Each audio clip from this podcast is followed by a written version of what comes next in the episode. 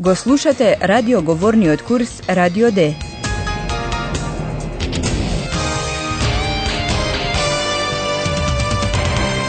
Заеднички проект на Гете институтот и Радио Дојче Веле.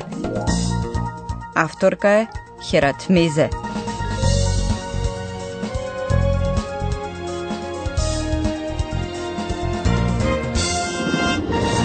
Добре дојдовте во 17-та лекција на радиоговорниот курс Радио Д.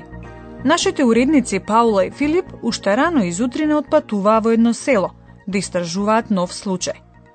Кога нивниот колега Ајхан дојде во редакцијата, тие се уште не беа вратени.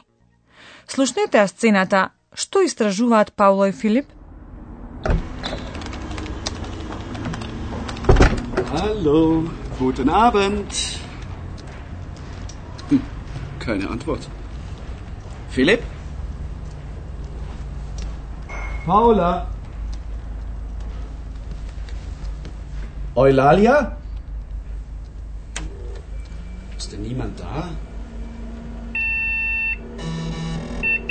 Doch, ich bin da. Ah, guten Abend, Kompo. Wo bleiben denn Paula und Philipp? Mysteriöse Kreise. Mysteriöse Kreise? Was heißt das? Philipp und Paula recherchieren. Mysteriöse Kreise. Слушнавте. Паула и Филип истражуваат нешто мистериозно, поточно мистериозни кругови, крајзе. Но што значи тоа?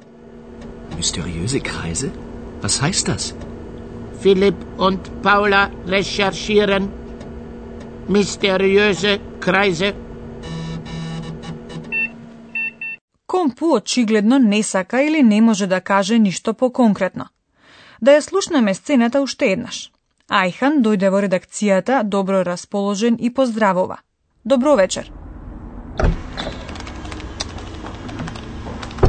Hallo, guten Abend. Но тој не добива одговор. Антворт. Keine Antwort. Тој ги побара колегите по име, а потоа е сигурен дека на вистина нема никој. Denn niemand da? Некој е сепак тука. Компу. Doch, ich bin da. Бидејќи Компу вообичаено е добро информиран, Ајхан го прашува каде се Паула и Филип. Wo bleiben denn Paula und Philipp? Ајхан е загрижен бидејќи е веќе доцна, но Компу само го повторува налогот. Philipp und Paula recherchieren. Mysteriöse Kreise. Има житни полиња на кои може да се видат необични тркалезни дупки. Никој не знае како настанале. Се шпекулира дека круговите потекнуваат од вонземјани, кои таму слетале со нивните летечки чинии. Achtung, Achtung. Hier ist eine Reportage von Philipp und Paula. Благодарам, Компо. Сакав уште да кажам дека селото стана туристичка атракција поради мистериозните кругови. Многу луѓе одат во селото за да ги видат круговите. И Филип и Паула се таму и направија тонски снимки, токму кога пристигна голем патнички автобус. Hallo, liebe Hörerinnen und Hörer, Willkommen. bei Radio D.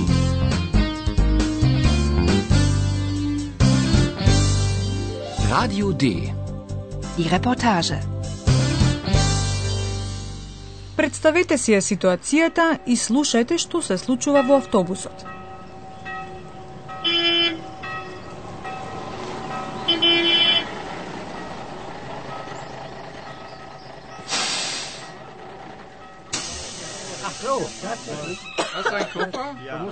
So, wir sind da. Bitte alle aussteigen. Karl, komm, wir sind da. Aussteigen. Ah, ja, ich komme ja schon.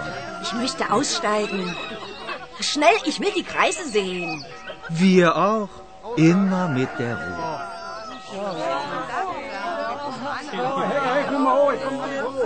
Ruhe bitte. Alle wollen die Kreise sehen. Aber sofort. Keine Angst.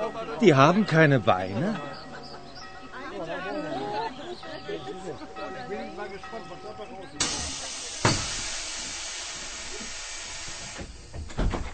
Патничкиот автобус, полн со љубопитни туристи, конечно пристигна на целта.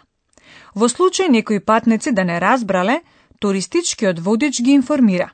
Пристигнавме и ги замолува сите да излезат од автобусот. So, wir sind da. Bitte alle aussteigen. Тоа изгледа беше сигнал за возбудена реакција на патниците. Една жена се турка, сака да излезе, бидејќи сака брзо, шнел, што е можно побрзо да ги види круговите. Ich möchte aussteigen. Schnell, ich will die Kreise sehen. Му благодарам на Бога, постојат различни луѓе. Едните шират возбуда, другите мир. Еден маж ја смирува возбудената жена и вели само полека. Der Ruhe. Зошто оваа возбуда? Најпосле круговите немаат нозе и не можат да побегнат. Keine Angst, die haben keine Beine. Како што знаете, за возбуденоста има само една причина. Жената сака да ги види мистериозните кругови.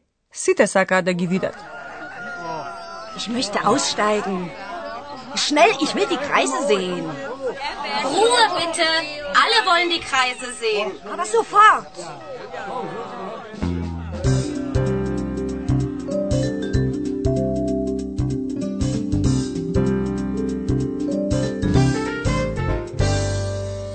На паркингот каде пристигнуваат автобусите со туристи, и трите силани поставиле различни тезги со сувенири. Таму Филип и Паула направија нови снимки.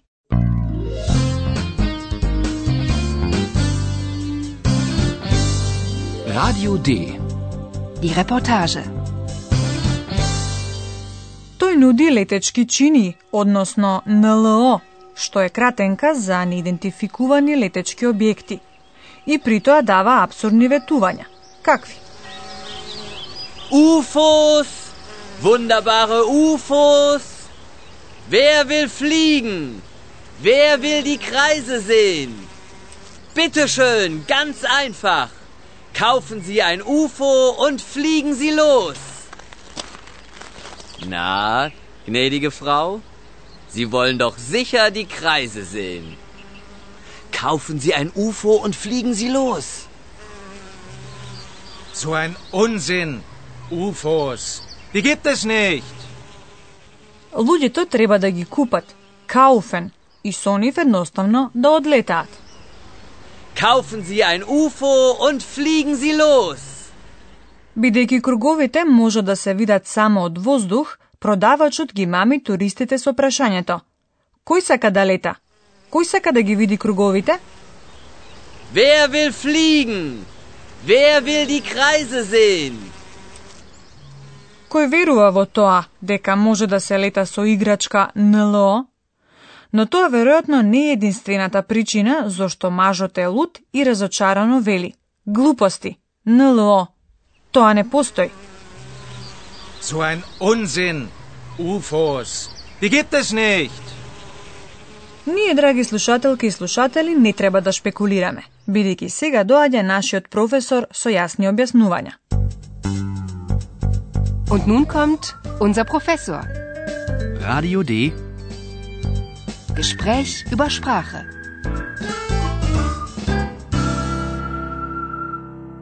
Господине професоре, во денешнава лекција слушнавме желби, како на пример дека туристите сакаат да видат мистериозни кругови. Да, има повеќе можности да се искаже желба во германскиот јазик.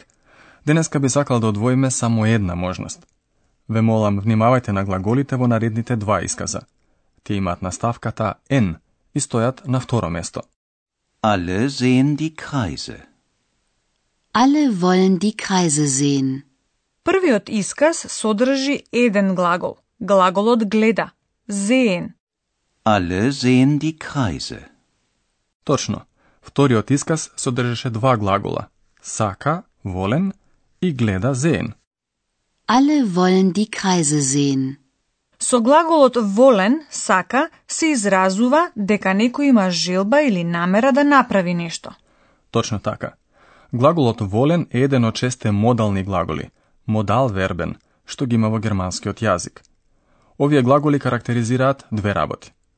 Вообичаено во речениците со модалниот глагол стои и втор глагол во инфинитив, и тоа на крајот од реченицата.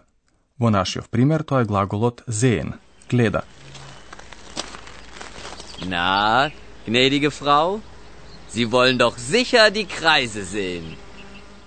Освен тоа, при конјугација на модалните глаголи се менува вокалот. Во инфинитив и во множина глаголот гласи волен. Внимавајте ве молам на вокалот о. Wollen. Alle wollen die Kreise sehen. Доколку пак една лично зборува, станува збор за еднина, па така глаголската форма гласи will. Внимавајте ве молам на вокалот и. Will. Ich will die Kreise sehen. Професоре, ви благодариме на разговорот за јазикот. Der Mensch. Will er denn, der Mensch? Was will, was will, was will er denn? Was will er denn, der Mensch? Was will, was will, was will er denn? Was will er denn, der Mensch? Hm. Menschen wollen recherchieren, Menschen wollen informieren, Menschen wollen fliegen. Was will, was will, was will er denn? Was will er denn, der Mensch? Der Mensch, der Mensch, der Mensch, der Mensch. Was will er denn, der Mensch? Сега можете уште еднаш да ја слушнете сцената.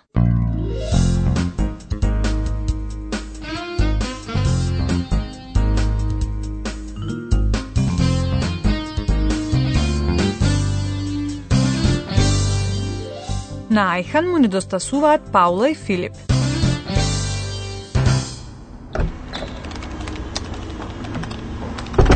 Hallo, guten Abend. Hm, keine Antwort.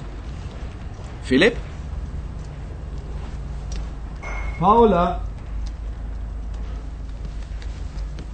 Eulalia? Ist denn niemand da? Doch, ich bin da.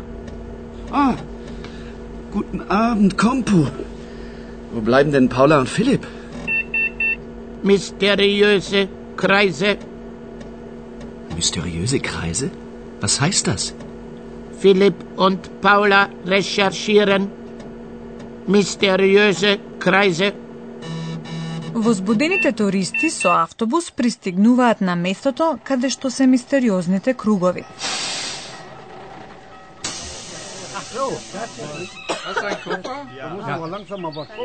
So, wir sind da. Bitte alle aussteigen. Karl, komm, wir sind da. Aussteigen. Ah, ja, ich komme ja schon.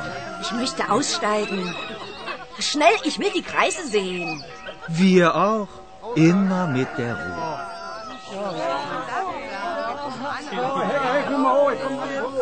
Ruhe bitte.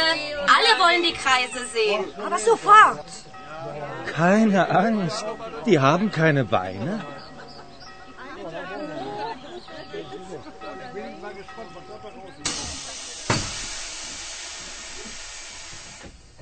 Edenitar Selanec prodava igrački letečki čini. UFOs! Wunderbare UFOs!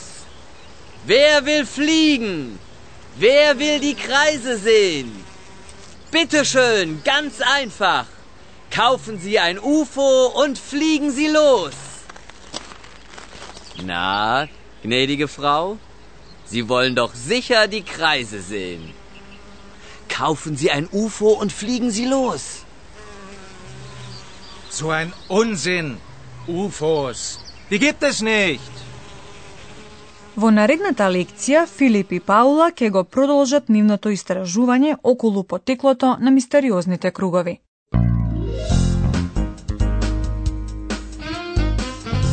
Bis zum nächsten Mal, liebe Hörerinnen und Hörer.